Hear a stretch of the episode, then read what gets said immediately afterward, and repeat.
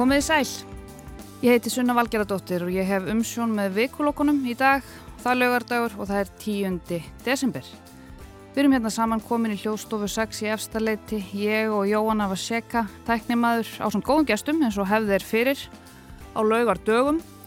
Og við ætlum að taka fyrir einhver af helstu fréttamálum vikunar og reyna átt okkur svona aðeins betur á þeim.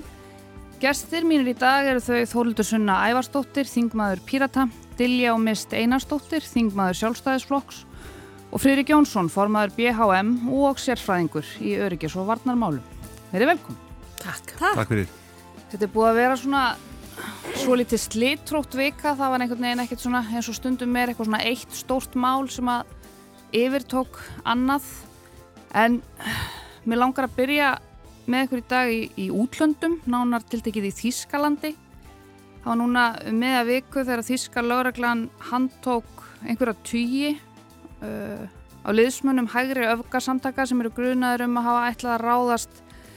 inn í þinghúsið í Berlín meðal annars. Og þessi lögregla aðgerð hún er talin eins og stærsta núna í, í setni tíð.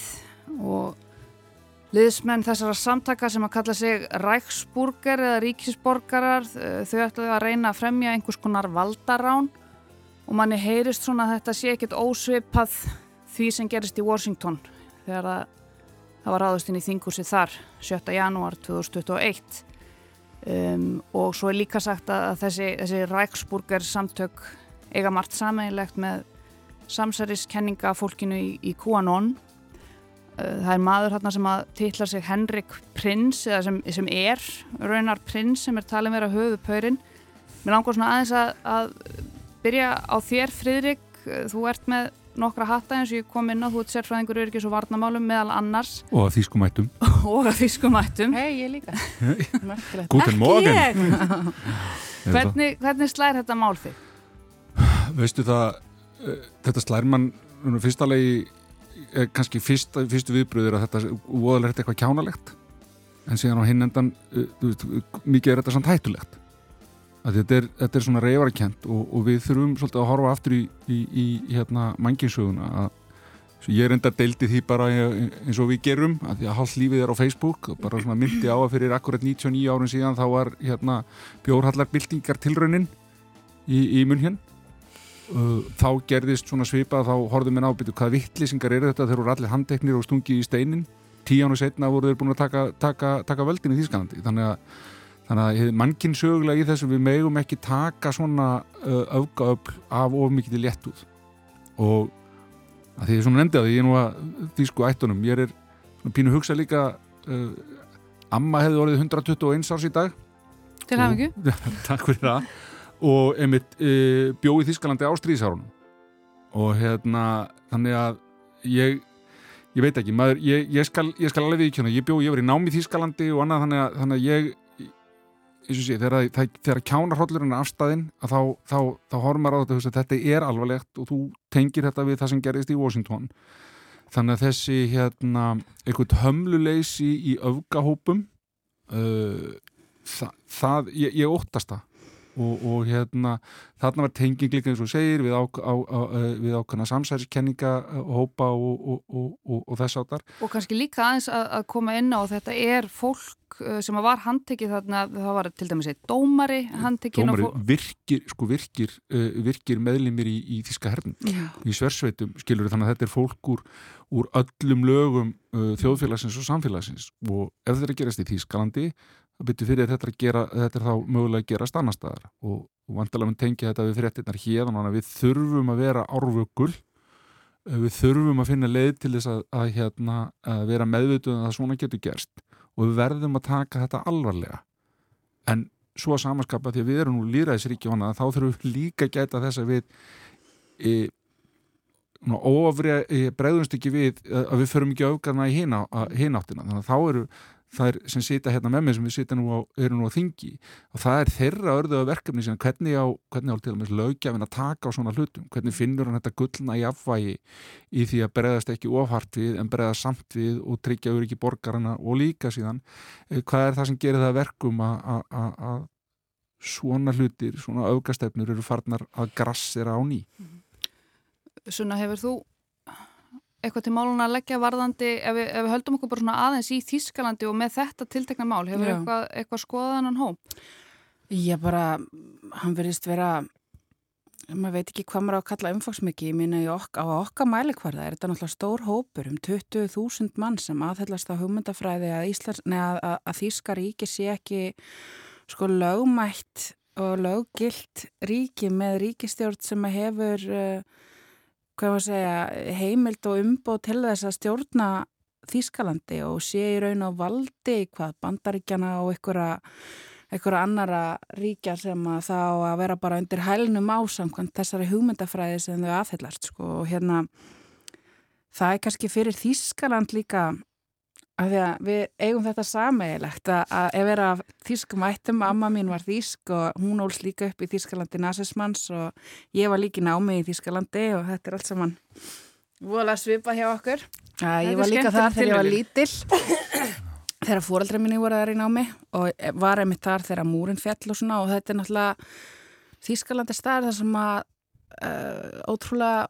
margt sögulegt hefur gerst svo orðum þetta nú valega og hérna þar til dæmis í öllu mínu námi hefur rosalega mikið verið lagt upp úr því að láta þriðja ríki aldrei endur taka sig. Og ég var í laganámi þarna úti og það var bara líka við annað hver laganámstími þar sem að tala um svona var þetta í Þýskalandi nasismanns og við skulum nú passa að þetta gerist ekki aftur og svo framvegis. Þannig að sko þegar kemur að Þýskalandi sjálfu þá myndi ég allavega að segja að ég óttast ekki að réttaríki þar sé ekki stakk búið til að takast á við þetta og þess að fara út í eitthvað öfgar vegna þess að ég held að sko Þýskaland sé að mér finnst þetta er nú bara svona persónleg skoðunu þetta Þýskaland sé með eina eina fallegustu og öflugustu stjórnarskrá sem til er. Og þar er hún með þar eru við með tvær um, greinar í stjórnarskráni sem kallast eiliðargreinar eða yfirkætsklásil sem ganga út á það að það er ekki hægt að breyta en þú þurftir þá bara að fundamentali breyta allir stjórnskipan ríkisins til þess að breyta þessu og það er Kannski annars það sem að þessir Já, og er það sem hópur þessir ætlar aðilar að sér að gera, já. Og hérna, annars vegar er það sem sagt eh, ákvæði sem segir að virði mannsins sé ósnertalegt og það sé hlutverk alls ríkisvalds að vernda það og styðja og svo er það sagt, stjórnskipanin sjálf hvernig Þýskaland skiptist upp í lönd og fylki og, og svona verkaskiptingin og valdaskiptin á milli þessara aðila til þess einmitt að passa að það verði engin of máttugur og voldugur sko. Mhm. En réttarkerfi og réttaríki í Þýskalandi er mjög öflugt og það sést kannski best að því hvað hefur gengið brösulega hjá þeim að loka sumum af þessum eh, hvað hefum að kalla þetta, nasista búlum sem að hafa verið í gangi þarna uh, sem að hafa kallað sér stjórnmálaflokka og uh, þessi stjórnskipuna réttur þar búndis við farsumskiritt, hvernig ætlum við þýðum þetta á íslensku, þetta er stjórnarskrá rétturinn hérna, þetta er eins og Supreme Court í bandaríkjanum þau hafa verið mjög treg þó að þessi heimildi lögum til þess að dæmis loka á stjórnmála samtök sem að er alveg hægt að segja að sé að grafa undan ríkinu og sé að grafa undan uh, réttaríkinu og stjórnskipin Þýskalands og svo framvegis þannig að þau eru mjög varkar Já, svo þessu. sambandsríkja þátturinn í líka í hvernig Já. Þískalandi er samsetta því að ríkin eru mjög sterk, gleymist oft í þessu að, Þetta sem ég kallaði fylki ríki, já, já, já, einmitt, mi- mi- eh, þannig að en allavega við Já, en sko varandi þetta þá bara eh, er þetta einmitt eins og einhver gömul bondmynd að sjá þetta en ég er, ég er alveg sammála að, að við megum auðvitað ekki sko taka þessu af einhverju léttu og það að þetta sé annarsinn núna með svona stöttu millibili það sem er reynd að fremja valdarán í vestrannu líðræðisríki þetta er auðvitað ekki eitthvað sem við höfum verið að höfum átt að venjast. Og ég held að þetta ætti að senda okkur mjög sterk skilabóð um að þeim gildum sem við búum við og auðvitað líka innrásin í Ukrænu eh, að líðræðið réttaríkið, mannréttindi, þeim stafi akkurat núna ógnaf bæði öfgahópum en auðvitað líka af hendi einræðisherra sem að vilja rústa þessari heimsmynd sem að forferðum okkar hefur tekist að byggja upp. Diljá, þegar að þessa, þessar fregnir bárust frá Þískalandi, nú ert þú ekki af þýskum ættum. Nei, ég sker mér svolítið úr í þessum hópi, bara með mitt austfjara blóð og... Hvernig, hvernig kom þetta við þig þegar þú sást þetta? Þetta, sko, þetta er einstæsta lögreglu aðgerð og fjölmennasta lögreglu aðgerð bara núna í setni tíð, bara síðan held ég 91, bara í Þískalandi, þetta voru 3000 lögreglumenn sem að tóku þátt bara í þessum einlega handtökum þá voru líka framdar, eða, sérst, framdar gerðar, það voru framkvæmdar húsleitir Mm. bæði held ég uh, í Pólandi og Ítalju held ég, Belgju. Belgju. Mm. Um, hvernig slóðu þetta þig þegar að þú, þú sást þetta komið þér og óvart? Já, fyrstu fréttir voru svona, eins og segir, um, svona svolítið ógulegar og svo eftir því sem maður las meira þá get ég tekið undir með friðrikum að það, maður fekk svona pingu kjána hrótt sko, manni fannst þess að þetta hefði kannski verið svona, svona hópur af förðufröglum heldur en einhverjum fámennum sko, eh, en þegar að það síðan einhvern veginn rennur yfir, þú ert búin að einhvern veginn fá sjokk með fyrstu fréttum og síðan renna í gegnum erlenda fréttur og sjá svona betið samantætt á þessu og, og, og hvernig þessi hópur var samansettur að þá var mér nú hugsa til þess uh, af því að uh, eins og þóldu sinna nefnir að, að hérna, við hefum nú séð nýleg dæmi um þetta annar staðar og svo ef við þetta orðið vör við svona uppgang öfgahópa víða í Evrópu að maður veldi fyrir sér að því að við hérna á Íslandi við erum alltaf eða oft svona nokkrum árum á eftir að hvað við getum svona lært af þessu að því að þessi, þessi líraðis hefð okkar, hún er auðvitað þessi líraðis saga er stutt í sögulegu samengi og ég tek alveg undir með þólið sunni með það að, að, að það stafar að njó hvað getum við lært af þessum við Íslendingar af þessum uh, aðstæðum? Er eitthvað sammert með þeim? Akkurát sko. Og, og það eh, kannski, þú ert að byggja um orðið, Freyr. Já, ég ætla að fá að bæta ég- eina áður en við færum okkur aðeins hingað heim. Já, ég, kannski, ég vildi kannski bæta þetta út á Þískalandi sérstaklega og þólitur sem nefni jú stert rétt, réttaríki og annað en uh, Þískalandi er svolítið að líða líka fyrir það núna að vakna upp að værum blundi með sko, e- réttar, réttaríki er eitt en hinn pólitíski hluti Þískalands er, er annar uh, þar hefur verið ákveðin það er ekki hægt að kalla annað heldur en ákveðin værukjærð og óskikja gagvart uh, öryggis og varnarmálum sérstaklega uh, sem smitast á inn í þetta líka. Uh, stefna þjóðverja og, og til dæmis meðvirkni bara það er ekki hægt að kalla neitt annað til dæmis með rúsneskum stjórnvöldum uh, er þáttur í þessu líka. Uh, þar sem að hérna uh, því stjórnvöld í af, af, af góðum ásetningi uh, alveg frá því að snemma á, á, á áttunda áratögnum með Vili Brandt sko að gegnum friður, gegnum vestlun skiluru og, og, og, og, vandeldur kandelin og, og allt þetta uh, bara kemur í ljós að þegar þú ert að díla við hérna, og eiga við hérna, einræðis, einræðisherra og einræðisríki að, að hérna, það er bara sko ekki bara þessi, það er ekki grund á því góða, það er mjög dútt á því og það, jáfnvel, það er ekki einu sem til staðar. Þannig að, þannig að það að vera í, í, í svona hérna óheilbrigðu sambandi við öll sem bara hugsa þeir þegjandi þörfina og jáfnvel ekki svo þegjandi það kemur í þér. Uh, þi- við erum, við erum að sjá endurtegna fréttir. F- til hliðar við þetta erum við að sjá endurtegna fréttir af því þar sem að, að því stjórnvöld, jáfnvel á aðstustugum hafa verið í mjög óeðlilegu sambandi við afleitt stjórnvöld eins og í Rúslandi hafa svona selt frá sér uh, uh, ákveðin prinsip fyrir óldýra orku sérstaklega og, og við verum að horfa þetta, setja þetta í samingi líka. Þetta er að koma í bakið á Þýskalandi. Að Þýskaland hefur verið í ákveðinni afnittun uh, gagvart í uh, hvað við segja, því breytta öryggisumhverfi sem, sem við setjum í hvað sem það er á sviði beitna ógna og beitna hefðbunduna uh, hérna, varnarógna en líka hinnar, hinnar svo óhefðbundar hefðbundar það sem stundum er núna kallað fjöldtátóknir og annað. Þarna hafa þjóðurar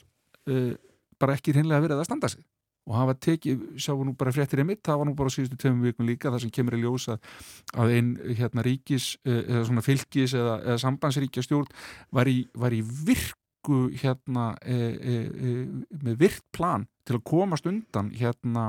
þeim hérna viðskiptahindrun sem settar að þau verið á eftir 2014 þannig að það var hægt að klára uh, Nord Stream ga gasleðsluna og voru bara í virku svindli með rúsnarkunum stjórnvöldum og, og þetta, er, eh, þetta verður líka horfður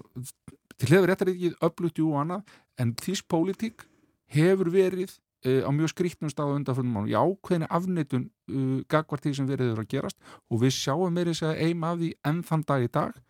að það reglulega poppar upp þetta að, að í, í hvernig við eigum að eiga við Rúsland, núna í teng, tengslu við Ukrænustríði, að, að það þurfa að finna einhverja leið til þess að gera allt gott á nýju og allt getur orðið eins og það var helst fyrir 2014 Mm. og þetta er að minni hálfu þá er þetta, á, þá er þetta svona uh, ákveði nævismi sem er, er, að koma, koma í baki á þeim og meðal annars og eigin mér að því í þessu. Þetta er svo sem eitthvað sem er mikið rætt í Þýskalandi að fólk hafi sofið fljótandi að fegðarósi og ekki tekið nú fyrstu tökum á Rúslandi en mér finnst nú að það er allavega ekki hægt að einangra Þýskaland þegar að kemur að þessu viðþorfi til Rúsland svo segja að Þýskaland hafi eitthvað neginn verið Laukrétt. miðstöð þess sem að var ekki vakandi fyrir því hvað var í gangi með Rúsland ég meina ef við horfum til dæmis bara Bretland þar sem að sko eh, sem er í raun bara miðstöð peningar máttar Rúslands að þá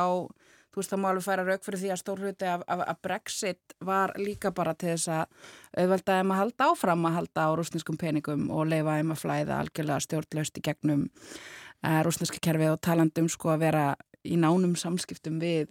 rússana þá er það nú alveg viðvarandi vandamál þar og ekki bara þar heldur uh, út um alla Evrópu þetta um, þannig að það voru fleiri skulum við segja ekki bara barnalegir heldur bara gráðugir Já. að gagvart Rúsla, Rúslandi og, og það er líka stór ástæða fyrir, ég meina það er stór ástæða fyrir ekkur að gerist ekki 2014 að neinu marki, að neinu ráði þegar það er vissulega frömdu ákveði valdarán, fóru inn í Úkræinu, hertóku landsvæði gerðu það vissulega mjög snirtilega uh, Svona snirtilega með það sem er að gera með núna allt og allt. Mm. uh, en það breyti því ekki þeir voru líka búin að ráðast inn í Georgi uh, áður. Þannig að 2008 já, þetta, þú veist það er ekki eins og, þetta hefði átt að koma neinum í alvegna óvart sko. Og hérna það grættu bara allir á því að viðhalda status quo, það vildu allir sína oli og vissulega þá og gas og vissulega þá hefði átt að bregðast fyrir við en þar eru þjóðverðir ekki einir. Og svo er vandamál hjá þjóðverðum auðvitað líka alltaf þetta sko með varnarmálin að þeim finnst erfitt að byggja upp her, verja sig og svo framhegis bara út af sinni sögu sko, og það er, já, út af allir stóru skilur og, það, og það er bara erfitt fyrir sjálfsmyndina að ætla að fara, þú veist, þau eru nýfarin einhvern veginn leifa sér að Nota fánan sinn einhvern veginn. Já, einu skiptir sem ég hef upplegað að þjóðverjar mega vera glaði með að vera þjóðverjar eru fótbollaleikjum sko, annars er það bara eiginlega bannað að, að vera ánæði með þjóðverðni sitt sko í Þískalandi og hóvarð er alltaf svona innstilt í þau og, og einhvern veginn viðvarandi og allsræðandi finnst mér og svona alltaf verið að lækka í fólki sem vill eitthvað vera að hafa og hátt um það. Og það þetta held ég veldur líka ákveðnu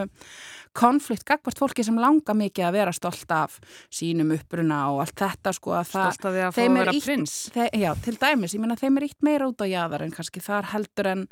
annars staðar einfallega vegna þess að þetta er svo ótrúlega mikið nónu í Þískalandi og það er svo ótrúlega sterk viðbröð sem hún fæð við um, nokkur skonar,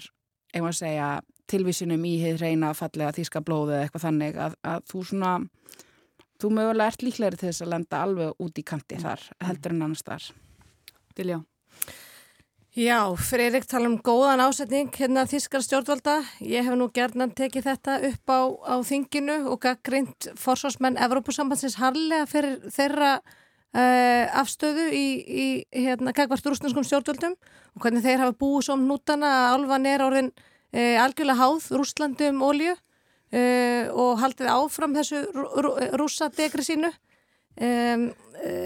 og, og varðandi það hvernig ég, ég, ég heyri það að það stingur aðeins í, í, stingur aðeins í, í hérna Európusambandssinna þegar maður tekur þessa punkta upp sko. Það er erfitt, þetta er erfið saga að takast á við af því að framferðið þeirri líka tók, það tók langan tíma fyrir þau að einhvern veginn snúa þessum vegi. Líka framan af eftir innrásun hóf og að ég tala nú ekki um eftir innlimum Krimska 2014 þeir voru nú ekki tilbúin til þess að snúa af braut þessara, hérna, nánu samskipta við Rúsland þessir forsvarsmenn Európa-samsins hins vegar hefur þessu auðvitað verið öðru sér háttað í Breitlandi eh, öllum ánum nafn gefa það að vilja endur heimta viðskiptafrælsi sitt eins og breytar vissulega vildu í gegnum útgönguna úr Európa-sambandinu ég myndi ekki segja að það hafi verið knúið áfram af ásælni í rúsnest eh, hérna, rúsnest fjö og þeir hafa auðvitað skorið svo úr þegar kemur að viðbröðum og einhvern veginn E, því að takast á við e, þessa krísu sem við e, stöndum í í dag og, og, og standa mjög fastir fyrir í þessari deilu sem við eigum í og hafa reynst úkrænumunum alveg afskaplega góðir bandamenn og þar hafa þeir skoður svo úr í Evrópu. Æ, aðeins, langar aðeins að bara, þessu? ég, ég hvet hlustendur til þess að, að lesa bækur eftir Bill Browder um uh, þjónkun sérstaklega Breitlands við Rúsland þegar kemur að því að geima penningarnar og nota til misgáfulegra verka. Allir... Ég held að ég bara bæti þar við, ég held að, ég held að, ég held að geti nú bara allir svolítið lítið og, og flestu vestræna ríki geti bara lítið í eigin barm varandi, varandi þjóngum við, við, sko. við, við, einræðisríki almennt og Rúsland er þar uh, náttúrulega sérstakur ljá, hérna ljárið þú í ögnablikinu en, en við sjáum með, með, með Kína, með, með Sáti Arabi og svo framvegis. Við erum svolítið að fá það í baki að degstur okkar líraðisríkja við í þeirri vonum að, að með, með því að, að, að vinna með svona ríkjum þá getum við haft í ákvæðu góða áhrif að líðir aðeins ástinn og, og, og, og hérna jafnbreytti og bræðralag þetta myndir nú smittast yfir þessi, þessi ágæti gildi. Uh, svo reynist bara ekki alveg vera því miður. Þannig að, hérna, þannig að við þurfum svona svolítið að taka, til, taka það tilbaka aftur hvað, hvað við stöndum fyrir. Það, það er laugrétt sko þetta með hérna hæði bresk fjármálakerfis á, á rúsneska peninga. En það er líka laugrætt að breytar hafa verið í, hérna í framlínu varandi stuðningu við Úkrænu sem hlutvall af þjóðartekjum að þá er það hérna e, e, er hins vegar nokkuð ljóst að þau ríki sem gera langmest, það eru framlínuríkin það eru, eru Eistraslasríkin, það eru Póland mm -hmm. uh, þessi ríki sem að þekkja og, og, og, hérna, og vita hvað það er að bú hundir rúsneskri ógnastjórn þau gera langmest og svo sem að við allir Evrópubúar alveg burt sér frá því hvort við erum í ESB eða ekki í ESB síðan eru það bara okkar bandamenn, bandaríkin sem standa sér langt best mm. og eru tilbúin til þess að koma inn með stuðning uh, sem að hérna yfirgnæfir allt annað sem við, við Evrópubúar eru að gera. Og þetta er svolítið það sem við, við þurfum að við þurfum svolítið að líta í einn bjár bara af hverju gerum við ekki meira? Mm. En aðeins að þjó nefnir Póland og Íslandsvíkin þá eru þetta auðvitað ríki sem hafa líka kallað eftir og bent okkur á þessa þróun árum saman án þess að við höfum hlustað. En þó þannig íslenski ráðumenn hafa tekið þetta upp gerðan undarfarin ár meðalans íslenski rautarikisráþarar og gaggrind til dæmis byggingu Nord Stream og fleira mm. og, og ekki fengið miklu undirtektir í Evrópu undarfarin ár. Við erum að segja að það er að byrja eitthvað skonar undanfari herrkvæningar í Pólandi mm. og þessi nágranna ríki eru öll sem eitt að búa sundi stríð en að sjá þau á rúsneskum fréttamilum að, að það er bara allt tala þar að Eistrasalsríkin eru næst, Pólandi næst mm. þetta er alltaf, þetta er bara kyrjað og endurteki í rúsneskum fjölmilum þannig að fyrir rúsnesku mælandi fólk sem er að fylgjast með því sem er að gerast í Rúslandi eru þetta bara stóra ástæða til þess að óttast vegna þess að það er sífælt verið að hóta þeim og um, við þurfum alveg að vera vakandi fyrir því að þótt að við höldum að þetta sé ekki fara nýtt lengra að þá hafa vinnur okkar í Eistrasálsríkjanum og í Pólandi alveg fulla ástæði til þess að óttast Rúslandi. Það er kannski ágætt að benda hlustendum á það í ljósi þess sem Þórildur Sunna er hérna benda ávarandi rúsneska fjölmila að, að það veri fjallað um rúsneska fjölmila einmitt í heimskuðum hérna eftir hátægisvettur á rása eitt í dag. En allir vegir verið að slikja til Rúslands þegar maður talar um, um útlönd. Við byrjuðum hérna á að ræða um öfgahópin Ræksburger í Þýskalandi Um, það er nú líka tenging við Rúsland. Sannarlega, en nú langar við að færa okkur aðeins hingað heim til Íslands og ræða mál sem er töluvert smarra í sniðum en það sem að gerast í Þískalandi í vikunni en þó kannski ekki alveg óskilt. Uh, mennirnir tveir sem hafa verið í gæsluvaraldi síðan í september vegna grunnsum skipurlagningur hriðiverka hérna á Íslandi þeir verða ákærðir, þeim var byrt ákæra í gær Þeir eru taldir hafa ætlað að ráðast meðal annars að allþingi og nafngrendum stjórnmálamönnum og, og fólki svona um, áberandi fólki í samfélaginu. Þeir eru ákjærið fyrir brot gegn 100. grein A hegningarlaga sem fjallar meðal annars um hriðjuverk. Þar segir að sá sem hóti því að fremja hriðjuverk skuli sætta refsingu með alltaf ævilöngu fangelsi sé brotið fram í þeim tilgangi að valda almenningi verulegum óta eða þvinga með ólögumætum hætti íslensk eða erlend stjórnvöld eða alþjóðastofnun til þess að gera eitthvað eða láta eitthvað ógert eða í því skinni að veikja eða skada stjórnskipun eða stjórnmálalegar, efnahagslegar eða þjóðfélagslegar undirstöður ríkis eða alþjóðastofnunar. Þessi menn verða líklega í gæsluvarhaldi í fjórar vikuti viðbóttar og hafa eins og áður segir verið í gæsluvarhaldi síðan í september. Þetta mál hefur kannski svona aðeins sopnað í umræðinu. Þetta var náttúrulega alveg gigantíst þegar þetta gerðist. Það var fjallað um þetta í öllum fréttatímum, öllum miðlum. Þetta er náttúrulega fyrsta svona máli sem við erum að, að fást við, skipulagning hriðjuverka á Íslandi. Uh, Friðrik, mér langar aðeins að, að spyrja þig út í þetta bjóstu við því án þess að, að auðvitað ég býst ekki við því að þú þekkir eitthvað málavöxtu betur en, en við hér sem hér sitjum en bjóstu við því að, að þeir eru gefin út ákjara í þessu máli? Uh, ég held að miður það sem undanengið að þá þá, þá hefur verið mjög sérkynlegt annað heldur en að það kæmi ákjara uh, af því að, að eins og hvernig máli lág fyrir í upphæfi Uh, en ég skal alveg viðkjöna að ég hef ekki verið að setja mig í smáadrunum þessu, þessu máli. Það er svona líka, aftur eins og þú erum að tala um Þískaland, þetta er verið með svona seifla svolítið á milli hérna, býtu, eru þetta, er þetta bara einhverju vittlýsingar en svo er stærra á bakvið við, og enn og aftur hérna, værukerð versus, versus það að, vera, að, að taka svolítið til varna. Það sem kemur ekki á óvart er það eitthvað svona geti gerst hér. Það er það sem kemur ekki á óvart. Við erum ekkert öðruvísi heldur en aðrar þjóðir að hér geta komið upp svona öfga uh, öfga hópar sem geta hérna látið til skara skriða, með einhverjum hætti. Og það er þetta sem við erum að passa og þá kemur aftur þessu jafnvægi hvernig, hvernig spila saman löggjastlan, löggjöfin og, og finnum við þetta gullna jafnvægi að við getum tryggt öryggi borgarna án þess að verða of uh, án þess að ganga of nærri uh, frelsiborgarna mm. Svona, mér langar aðeins að, fá þitt álit á þessu, þetta hefur náttúrulega verið mjög mikið í umræðinu bæði þetta og svo önnur mál nýfstungu árásin á bankastræti klöpp og, og fleira. Eh, varðandi sko, hvað segir við, valdeflingu lögreglunar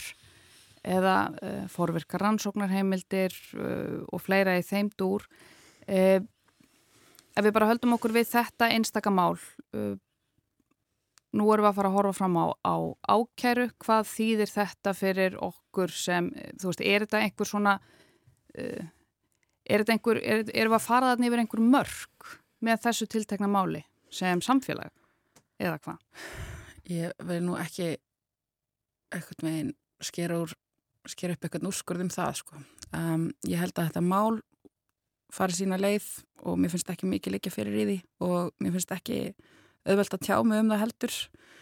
uh, einfallega vegna þess að það likur bara ekki það mikið fyrir um hvað er hann undir og sömulegis vegna þess að við erum þarna einhvern veginn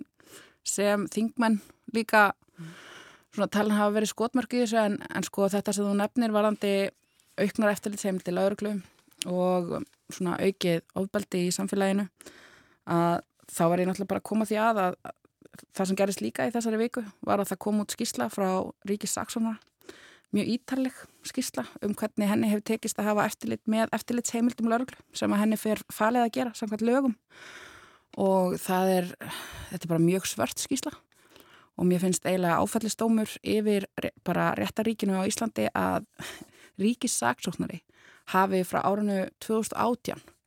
gefið út skíslur sem að uh, staðhæfa að ríkis lauruglustjóri svari ekki ríkissaksóknara með úrbætur sem þarf að gera á uh, kerfum, tæknikerfum lauruglu til þess að ríkisaksónur geti raun sinn sínum eftirlitskildum gagvart í hvernig lauruglum fer með sínar mjög ríku nú þegar eftirlitsheimildir sem er hlera nýr til dæmis að setja upp sko myndavila búna á heimilu fólk sem að hérna, það hefur fengið heimil til þess að hlera á þann hátt um, og það sem að þarf að gerast er að setja allar þessar hlerunar aðgerði lauruglu, svo orðum þetta einfallega inn í lökakerfið. Þannig að það sé hægt að fylgjast með hverjir hafa aðgang að þessum hlerunagagnum. Eru þær ekki nú þegar inn í lökakerfið? Nei.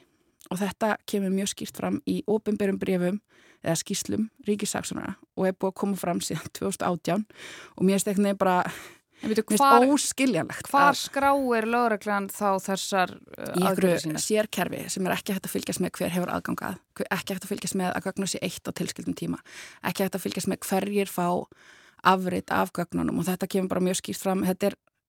þetta er ekkit mjög aðgengilegt að síðu ríkisendur sko, eða ríkisaksunar afsakið, við erum alltaf líka mikið að fellum ríkisendur sko, þess að dagana, ég er alltaf að glæðis að saman.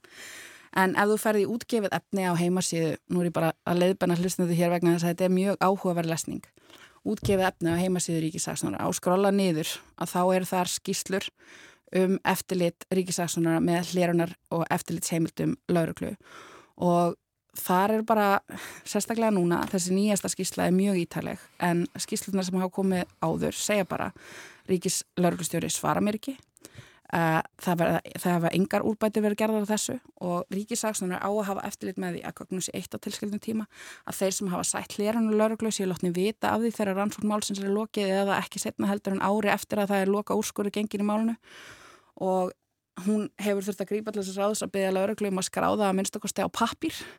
af því að það er ekki búið að setja þetta inn í lökakerfi hvenar þau eigða gagnum, hvenar þau letu vita hverjir hafa aðgang á gagnunum og svo framvegis. Og það er bara verulegir verulegir vankantar af því að því sé einu svona fyllt þar að segja að það sé bara að skrifa nefn þennan dag leti Jón Jónsson vita að hann hafi verið hleraðir þetta bara gera þeir allt talum að lauruglega fá fleiri eftirlitsheimildir þegar að ríkisaksónar er búin að greinlega bara hrópa út í vindin að lauruglega neiti að sæta því litla eftirliti sem þó er haft með hennastörfu finnst mér bara uh, mikið frumlöp Diljó Já, sko, varandi þetta tildagna mál þá finnst mér ekki við hæfi að ég tjá mig um það. Bæði eins og þóldu sinna nafnir þá uh, af því sem manni heyrist að fréttum að þetta vitum við óbúslega lítið um þetta mál að þá verðist þingið hafa verið skotmark mm. og svo erum við þetta hluti af lögjöfavaldinu mm -hmm. þannig að ég, ég vil stíga mjög varlega að það gera þegar það kemur á því en hvað var þar uh, hugmyndur um, um breytt verkla og auknar heimildir til andur lögreglu sem hefur nú verið kallað eftir sérstaklega af samstarfsaðalum lögreglunar erlendis uh, vegna brota sem að verða engin landamæri þá er heldur ekki gott, finnst mér að, reyna, að ræða það í tengslum við einstökum mál, við ættum að ræða það mjög vandlega. En það er náttúrulega alltaf verið að ræða þetta já. einmitt í tengslum já. við einstökum mál. Þegar einstökum mál koma upp, mm. þá er einhvern veginn stíðið fram Já, það, það er verið. Og þá erum við að ræða þetta kannski meira óðagáti gáti og minni yfirvegun. Þetta er mikilvægt við tökum þessu umbráð og við munum gera það mjög vel og vandlega í þinginu og eitt af því sem að þeirra hefur lagt, lagt ríka áslá sem að ég til verið til bóta og tek bara undir með þórildsunni með það eh, hvað skiptir gríðarlega miklu máli að auka og stórbæta eftirlit með störfun lörglunar mm. og það er eitthvað sem þeirra hefur talað fyrir og, og talar um að sé hluta þessum breytingu sem hann muni mæla fyrir mm. Já, bara varðandi það er mitt sko, nú er þetta lóksins komið fram, þetta frumvarp og í aðeins breytri mynd en ég man það í september að það var emitt dómsmálar á þeirra mjög duglegur að tala um þessar aukna eftirlitseimildir í bara beinu framhalda því að það var rætt við hann um þessar fyrirætluðu árásir. Og þá lág bara fyrir og ég man að við dilja mistrættum þetta í hérna á Rúf þá lág bara fyrir sagt, eh, frumvar sem hafi farið í gegnum samráðskátt og uh, þar var emitt ekki að fara fyrir ykkur auknu eftirliti með störnum laurglu og núna uh, þá í raun er ekki búið að breyta neinu sko varandi fyrirætlanir um þessa stór auknu eftirlitsheimildir og að því að Diljamist minnist hérna á Erlend laurugli yfirvöld. Í fyrsta lagi þá eru ágætið samskipti á milli íslenskra laurugli yfirvölda og Erlendra og þetta frumvarp gæti verið miklu afmarkaðara gagvart því að veita lauruglu heimil til þess að bregðast við með einhverjum hætti ábendingum frá erlendum lauruglu yfirvöldum en það er ekki svo að svo sé. Heldur er bara sagt að lauruglan megi í raun beita mjög viðtækum eftirlitsheimildum byggt á hvaða upplýsingum sem er. Það eru ekki skilgrendar á nokkurn hátt, þannig það geti komið frá uppljóstrara, það geti líka bara komið frá gróa og leiti. Það er ekki gerða neyn, neyn skilir um að upplýsingarna séu trúvarðuðar, að það sé búið að staðfesta þær, að það sé einhvern veginn reynd að elda þær og það er ennþá leikur í hlutarins eðli og er uh, hluti af þessum tillögum að það megi beita þessum viðtæku eftirlýsheimildum, elda fólk almanna færi, fylgjaðum jafnvelin á kaffús, taka myndir að myndbönd þess að þau viti af því og annars að þau séu látin vita af því eftir á einsinni. Um, einfallega byggt á einhverjum upplýsingum um að viðkomandi gæti tengst erlendum glæpasamtökum eða þá að viðkomandi gæti verða plotta eitthvað uh, varandi öryggi ríkisins og þetta eru heimildir sem að okkur í pýratum hugnast bara alls ekki að færa lögur. Hún hefur nú þegar mjög viðtakar heimildir til þess að grípa til nákvæmlega þessara eftirlitsaðgerða bara meðan það er hluti af rannsókn máls. Það þarf bara að vera hluti af rannsókn og þessi aukna þetta aukna eftirlit sem á að hafa með lauruglunni það er ekki sjálfstætt eftirlit. Nefndu eh, eftirlit með störnum lauruglu uh, það er gott að það er að styrkjana en hún tekur bara við kvörtunum varandi framfæri lauruglunar hún hefur ekki heimil til þess að rannsaka ætlaða refsiverða hátt sem er lauruglunar það er hér að saksnuna sem gerir það. Og ríkisaksnuna þegar hún fóð með þetta hlutverk bendi á að það færi ekki vel á því að við komandi aðileg sem að hefði eftirlit með störnum lauruglu þar að segja hvort að lauruglega var að fremja brot í sínu starfi væri á sama tíma rannsaka brot gegn valdstjórninu vegna þess að þetta eru svo gott sem alltaf eða mjög oft sömu atbyrðinni þar að segja eitthvað ræðst á lauruglumanni eða lauruglumanni ræðst á eitthvað borgara hvort heldur sem það er að það sé á sömu hendi er ekki til þess fallið að styrkja það trú að þetta sé sjálfstætt eftirlit og á meðan við höfum ekki einu sinni sjálfstætt eftirlit með störnum lauruglu það eigum við ekki að ræða þetta og það stendur ekki til að setja það á fót með þessu frumarfi.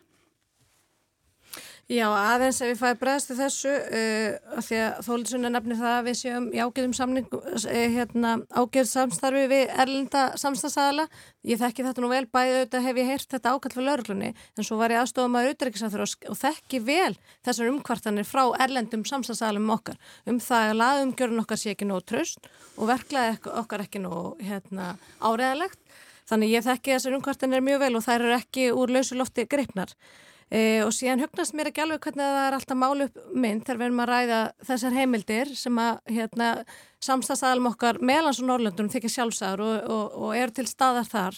Að það sé málu upp svo mynd að þetta séu heimildir, lauruglu til þess að fylgjast með hverjum sem er, hvina sem er í hvaða stafn sem er á nokkurs eftirlits. Og þetta eru auðvitað ekki svo. E, þetta eru auðvitað mjög þröngar heimildir til þess að fylgjast með e, bara í tengslu um ákveðin brot, við erum að tala um annars vegar e, alþjóðlega glæpastæðsemi og hins vegar hriðverkókn. Það er bara þessi brot sem að koma þar til álita og síðan auðvitað að það hafi komið fram áræðilegur upplýsingar, ábendingar um, það, um ákveðna aðal og tengst þeirra við slík brot e, og þessar upplýsingar eru auðvitað í lang, lang, lang flestum tilvikum fengnar frá þessum sérfræðingum og frá þessum aðalum og samstagsalum okkar erlendis frá sko skipulega brotastar sem er ekki endilega alþjóðlega brotastar sem er og er skilgreind af þjóðarörgisir á þeir sem þrýri eða fleiri aðilar sem að koma sér saman um að fremja skipulagð brot. Þannig að þetta er mjög, um, hvað maður segja, þetta er ekki mjög þraung skilgreining á því. Mm. síðan er ekki þraung skilir í þessu frumvarpi. Það stendur bara ef að lauruglega hefur upplýsingar um að þú gætir tengst skipulegar brotastar sem ef lauruglega hefur upplýsingar um að þú gætir verið að og það er líka mjög skýrt af greinagerðinni að þetta þýða að það sé ekki grunur um að þú sést hvorki að skipulegja brot nýja uh, eh, að þú hafi framið afbrot. Ég ætla að setja punktin hér við, við þessa umræðu. Það, er, það eru fleiri mál sem við þurfum að komast yfir þeir sem voruð að, að kveikja á, á viðtækjanum Þá er það að hlusta á vikulokkin hérna á ráseitt. Ég heiti Sunna Valgeradóttir og gestin mínir í dag eru þau Dilja Mist Einarstóttir, þingmaður sjálfstæðisflokks, Fririk Jónsson, formaður BHM og, og sérfræðingur í öryggis og varnarmálum og Þórildur Sunna Ævarstóttir, þingmaður Pírata. Ég ætla aðeins að dempa mér hérna yfir í kjaramálinn í stóru samhengi. Uh, við getum ekki settið hér á þess að tækla þau eitthvað, annars er þið friðrik vantanlega og það leiður eh, ég ætla ekki ég ætla bara hérna, valda hlustundum vonbreyðum með það, ég ætla ekki að fara inn í kjara viðræðunar sem slíkar, mér langar aðeins að, að fara inn í bara kjör fólks í landinu, það eru þessar Endalusu stýrivaksta hækkanir, það eru verðhækkanir og það er svo niðurskurður á móti. Eh, það er náttúrulega kannski sérstaklega það sem hefur verið fréttum, það er niðurskurður hjá borginni á hinnum ymsu sviðum. Það sem hefur kannski farið svona hæst, það er ofta eitthvað svona ein mál sem að poppa upp og fara hæst. Eh, það er stendur til að loka til dæmis vín sem er atkvarf fólks með geðraskanir hefur verið reykið í um 30 ár og fleiri svona félagslegum úræðum stendur til að loka en það eru þetta dýr úræði og einhvers staðar þarf vist að skera niður. Eh, svo hafa byrst fréttir líka nokkuð svona svífyrðilegum hækkunum á, á leigu sérstaklega hjá leigufélaginu Ölmu sem að rataði þarna í fréttir. Og kona öryrki var að borga 250.000 krónur í leigu og það stendur til að hækka það upp í 325.000 krónur á mánuði. Uh, og, og þetta er það sem bara ríkistjórnin uh, kallar mér sér, þú veist, fjármálaráþherra og, og fórsættisráþherra og, og fleiri ráþherrar hafa kallað þetta svífurilega hækkun. Um, Katrín Jakobsdóttir saði fréttum í gæra að það væri til skoðunar að setja einhvers konar uh, leigu þak, lög um, um leigu. Uh, mér langar bara svona aðeins að, að taka þetta svona í stóra samhenginu, Fririk, erum við að fara inn í eitthvað ömurlegt næsta ár? Verður þetta bara, er bara harður vetur hérna framöndan hjá okkur? Það er ekki 60 frost úti þannig að Nei, ég, sko, ég allar nú bara að byrja því að ég er, ég, ég er með svona staðlega stillingina á mér er nú að reyna að vera að frekka bjassið, þó stundu síðan nú að tala um hluti sem eru geta verið ágætið þunglindi svakar eh, en ef við horfum á stöðuna hér og, og byrjum á þessu eins og þessum hækkunum öðru, við erum náttúrulega í umhverju núna þar sem að, að hérna ég hef kallað þetta við séum í tvöföldum kaupmáttabruna uh, hérna það er annars aukning verðbólgu og síðan hækkun stýrivast á sem, sem að tengist Svo getur við að sjálfsögja Gagrit Sælabankan hvernig hann hefur brúðist í verðbólgunni því hann er að meiri hlut til var framann að var, var einflut en við getum ekki leta hjá okkur núna að það er innlendur uh, verðrýstingur ef ég fer í nördaskapin þá get ég, get ég nú strýta en Sælabankastjóra þessu þegar hann tala um tástumindir og tenrýf að þá dregur eðsla í útlöndum úr verðrýstingi innanlands. Þannig að það væri, væri hægt að færa rauk fyrir því að það væri betra að flerri færi til tenrýf þetta er peningu þar heldur en, heldur, heldur en stóri vandin okkar er, er að Ísland er fákjefnismarkaður og allt of mörgum sviðum. Hann er fákjefnismarkaður í vermitum á, á markaði fyrir bara nöðsynafurur við sjáum það til dæmis bara bensínverði hér. Það er eins og komið fram frá félagi íslenskar befriðeiganda að hér, hér við veitum það að leið og verður hækkun og ellendu mörgum á, á olju, þá, þá ríkur upp bensínverðin leið og verður lækkun og þá, þá er eitthvað með landið flóir í byrðum sem það þarf að ná niður og, og þetta, er, þetta er vandið og það er fákjefni á allt of mörgum stöðum. Uh, það er fákjefni í bankakerfinu það er fákjefni á maturumarkaði það er fákjefni svo sannarlega á legumarkaði Við erum bara of fá en of stór. Já, en ja, þetta er bara þetta, veist, þetta, er, þetta er þessi svona viðvarandi áskorun, þannig að við þurfum að vera við þurfum sem neytendur að vera náttúrulega uh, líka mjög vel vakandi. Ég menna það er nú eitt sem er að gerast til dæmis á, á, á, á neytendamarkaði. Aukið aðgengi af ellendur netverslunum er, er byrjað að hafa áhrif. Uh, og við þurfum bara meira því ef að, ef að hérna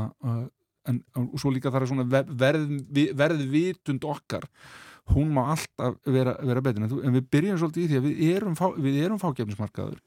og, og hvaðarnir kannski til þess að halda aftur að sér í, í, í verðarkonum svo, svo ítir óvísanundir þetta. En til dæmis ef við bara förum, þú veist að við tölum kannski ekki um, um uh, bensín og, og erlendar netvæslanir, heldur bara eins og þetta bara tiltekna dæmi. Það sem að það er kona, hún er öryrki, hún er að borga 250.000 krónur í leigu á mánuði sem er fyrir mjög, mjög há upphæð fyrir bara nánast alla uh, og það stendur til að, að hækka þetta hjá þessu leigufélagi upp í 325.000 krónur. Þetta er leigufélagi sem að skilaði miklum hagnaði á síðasta ári.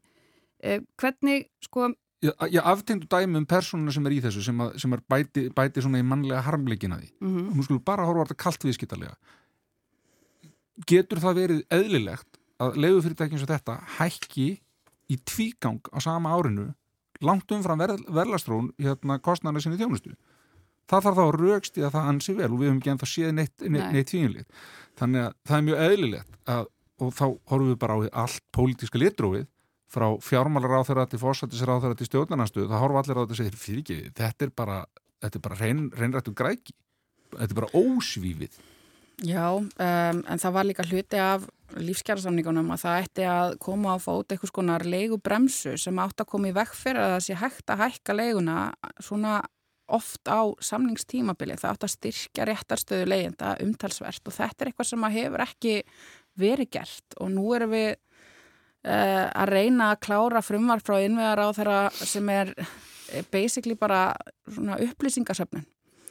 Uh, og ekkert meir, bara að við séum að minnstakosti að fylgjast með því sko hvaða íbúður eru til leik og hvaðar kosta og það er útlitt fyrir að núna í annarsinn sem þetta mál er lagt fyrir að það geti komist í gegnum þingi hérna fyrir jól mm. en það eru þetta ekki að bregðast við því sem að átti að vera lungubúið uppfylla sem er þessi leigubremsa og að það að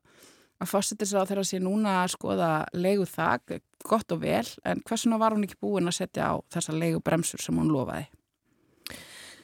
Mér hugnast nú ekki mjög vel hugmyndur um leiguþakk, þar hafa leiguþakk hefur hverki virkað eh, og stóra vandamáli auðvitað í þessu að því að það nú verið að tala um orð sælubankarstjóra sem að vissu lefa hefur gengist í því að, að stórluta er verðbólgan innflutt en hér innanlands þá auðvitað er hún knúin áfram af, af það er auðvitað húsnæðismarkaður.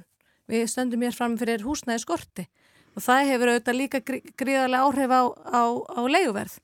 Þannig að ég held að við verðum að styrkja og fara að horfa til þess að styrkja frambóðsliðinu húsnæðismarka. En ef við bara horfum á bara veist, stöðuna núna, mm -hmm. uh, Já, staða núna er náttúrulega bara uppsafnu, ég meina samtök einaðannars hafa verið, að benda það árum saman og núna bara síðast hérna í vikunni eða síðustu viku að sérstaklega Reykjavíkuborg hefur dreyið lappinnar alveg svaglega þegar kemur að frambóðu húsnaði og, og varðandi þetta framfæri, framfærði geta verið sammálum að sé algjörlega óásættanlegt þá er það því miður bara þannig að það þarf ekki nema einn Það er ekki um eitt vittlising ef ég á að taka svo stert til orða til þess að koma óorði á frelsi, til þess að koma óorði á eitthvað kerfi sem við höfum komið okkur hér upp. En er eitthvað kerfi sem við höfum komið okkur hér Nei. upp varðandi leigu? Nei. Það er nefnilega ekkert kerfi. Vandamálið á húsnæðismarkanum er auðvitað skortur á húsnæði. Það er það auðvitað sem þrýstur upp leiguverðin og gerir það verkum og það er hægt að koma svona fram. Svo verður auðvitað fólk bara eiga það við sig hvort það sé sigferðilega eh, réttlætanlegt ja, og ég, mér heyrist allir vera sammálum og það sé það ekki. Ég minna að það voru gefin lofvarð um að setja í lög leigubremsur og það er ekki búið að standa við þessi lofvarð. Þetta hefði dæmis öllum líkið komið í veg fyrir svona skarpar hækkanir svona ofta þessu mm. samningstímubili að það hefði bara verið staði við þetta í lífskjærasamningunum. En svo varandi húsnæðis frambóða þá var auðvitað, ég veit ekki betur en að sko samtök sveitafélag á höfuborgarsvæðina hafa látið gera úttækt fyrir sig og þau eru með 14.000 lóðir sem eru tilbúnar til þess að hérna, byggja á. Og svo eru við auðvitað líka að sjá það að þessi endalösa áhersla eh, ríkistjórnarinnar og í raun sælabankastjóra líka að, að, að pumpa upp eftirspurn eftir húsnæði en gera gott sem ekkert til þess að styðja við frambóðið eh, ásamt því að meðan að þessi eftirspurn var kerð upp í kórunuveri faraldrinum að þá var eh, og til dæmis með því að lega fólki sko að taka lán hjá sjálfu sér sem er einhvern veginn alltaf einhver go-to laust sem er að lega fólki að taka út sérregnarspartnæðin sinn. Uh, svo tölum við ekki um hvernig, það, hvernig áhrif það hafi mis, misjæmt á misjæmna tekjuhópa þegar við erum að tala um fólk á legumarkaði fólki á legumarkaði það notaði þetta úrræði stjórnvalda að geta tekið út sérregnarspartnæðin sinn bara til að eiga í sig og á og til að geta borga fyrir legu og það þurfti að borga skatt á meðan að aðrir sem að eiga húsnæði mm. gáttu notaði til þess að lækka greiðslubyrjina sína. En um, á meðan að, að þessi sögulega eftirspurt var í gangi og húsnæðis var ríkur upp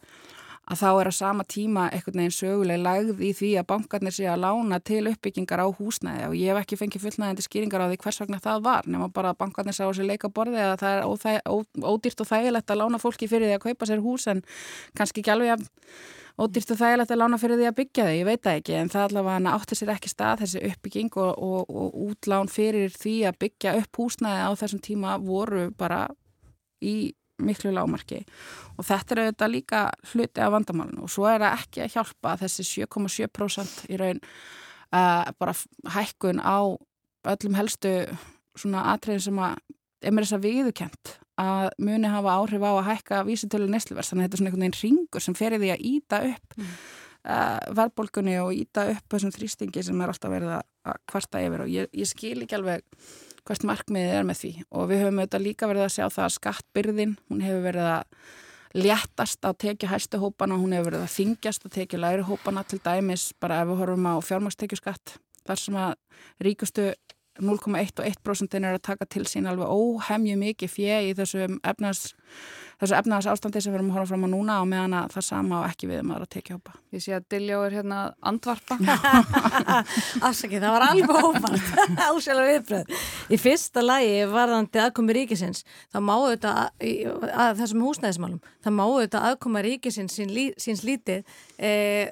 þó að hún hafi verið þannig að hún hefur verið auðvitað mjög fyrstu kaup til dæmis á húsnæðismarkaði þá, þá hérna, hefur hún lítið að segja ef það stendur á frambúsliðinu og þar er auðvitað Reykjavíkuborg aðal sökudólkurinn þar, e, þar er mesta,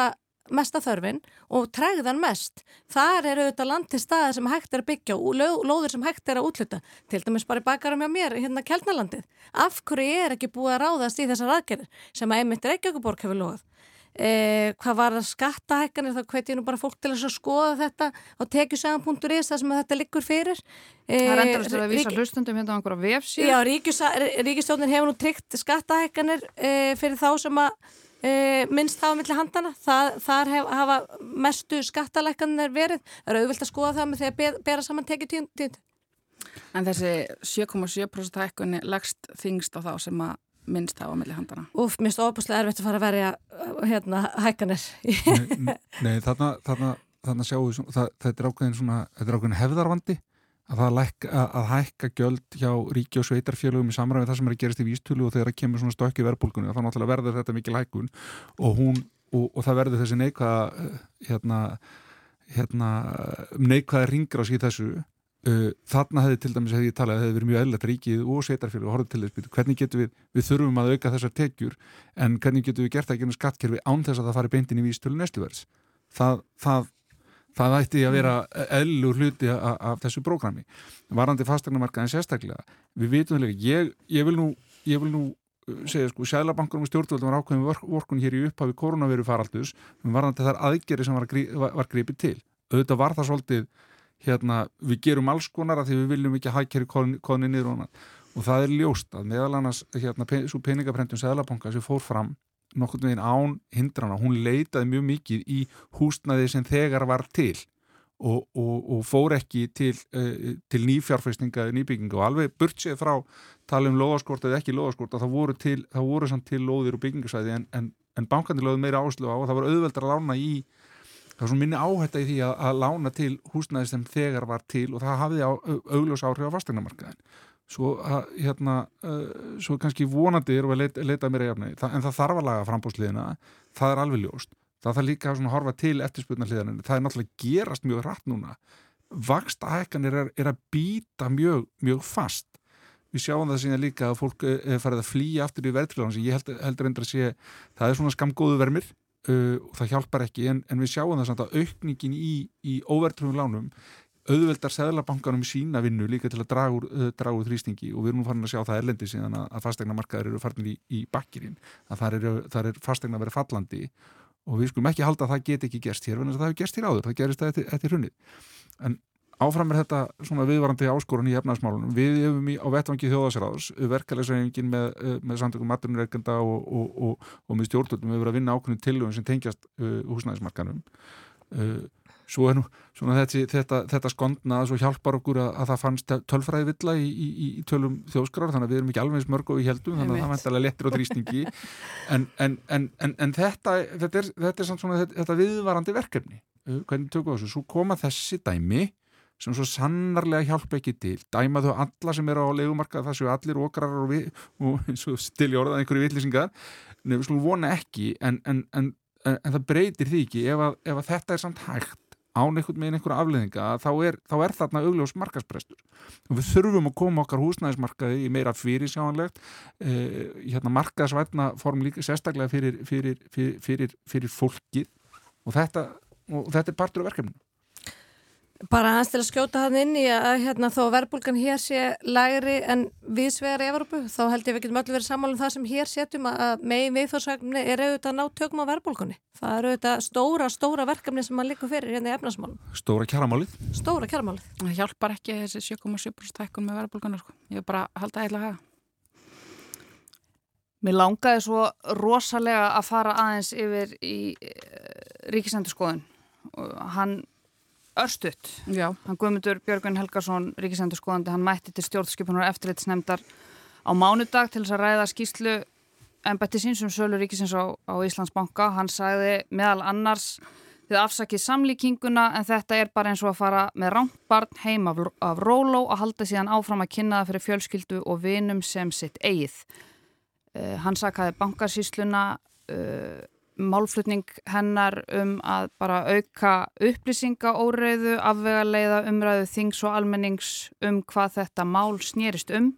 Það sagði jáfnframt að Láras Blöndar, stjórnarformaður Bankasíslu ríkisins, hefði talað gegn betri vitundum þetta mál á fundi með nefndinni og talað um Excel klúður. Svona þú varst á þessum fundi, hvað setur eftir? Já, einmitt þessi tilvitnin í ríkisættiskónda er auðvitað frábært efni í fyrirsögn og, og, og vissilega eitthvað sem að já, já, og vissilega eitthvað sem að hérna, ég held að lýsi fyrir fólki mjög stert sko þetta Excel-skjál sem hefur verið mikið í umræðinni og, og mikið bitbein á milli ríkisendurskóðanda og svo bankarsýsluna sem var náttúrulega opnum fundi hjá okkur bara þannig fyrir helgi á förstu deginum sem var, var fundur sem fekk miklu minni aðtegli uh, en var eftir sem áður ótrúlega upplýsandi fundur á, á mjög margan hátt en það er að þeim ber ekki saman um sko hvert eðli þessa skjáls var og hvað var í því. Uh, og sömu leiðis að þá eru þetta mjög skýrt afskýslu ríkisendurskóðanda að bankasíslan, hún breyti nafnin á þessu skjali áður og hún sendir það til ríkisendurskóðanda og skýrir það staða tilbúða bókar þegar ákvörðunum leiðbennandi lokaverð var tekin og síðan kemur hún bankasíslan eftir á og segir já þetta er ekkert staða tilbúðsabókarinnar og ríkisendurskóðan eða hún hefur bara talað við okkur og þá hefði hún komið staði að það væri ekki þannig. Hvaða afleðingar á þetta mál að hafa? Já, ég er enþá á því að það þurfa að skipa rannsóknum nefnd alþingis rétt eins og ég laði til uh, þegar að sko fjármálar á þeirra laði sjálfur til að þetta færi til ríkisendurskoðanar meðal annars vegna þess að ríkisendurskoðandi hefur ekki heimildir þegar þess að fara í gegnum til dæmis hverju voru á bakvið þessa erlendu kaupendur sem að fengu að stjórna verðinu á hlutunum í bankanum hvort að þetta voru kannski innlendir aðlar. Diljá, örstuðt, hvað finnst þér? Já, eh, Þóldur Sunnar segir hérna að, að máli hafa ekki fengið nægilegar aðtegli Ég var nú erlendis þegar... Fundurum með bankasýstina? Já, við hérna, var nú erlendis þegar skíslan kom út, þannig ég misti svona aðeins af, af umræðinu, ég var enn fylgjastmenni frettum og ég tók eftir því að, að hún náðu hvergi inn, ekki á neina mestlesnu frettir eða neitt, þannig ég held að áhugi almennings á þessum áli sé töluvert minni heldur en áhugi... E, stjórnar minni hlutans Það þýðir samt ekki að þetta sé ekki mikilvægt mál Nei, og hefur líka verið skoða gömgæfilega á vettvangi þings sem ég skilst að það standi ennþá yfir. Ég er nú ekki luta þessari nefnd. Þú ert ekki á því að það er að, að fá inn óháða rannsóknar nefnd til þess að skoða þetta saman Nei, ég tel ekki það örti þess en, en mér skilst eða, eða rétt hjá mér að þetta sé ennþá til skoðunar á vettvangi þingsins og, og þingið auðvitað skoða þetta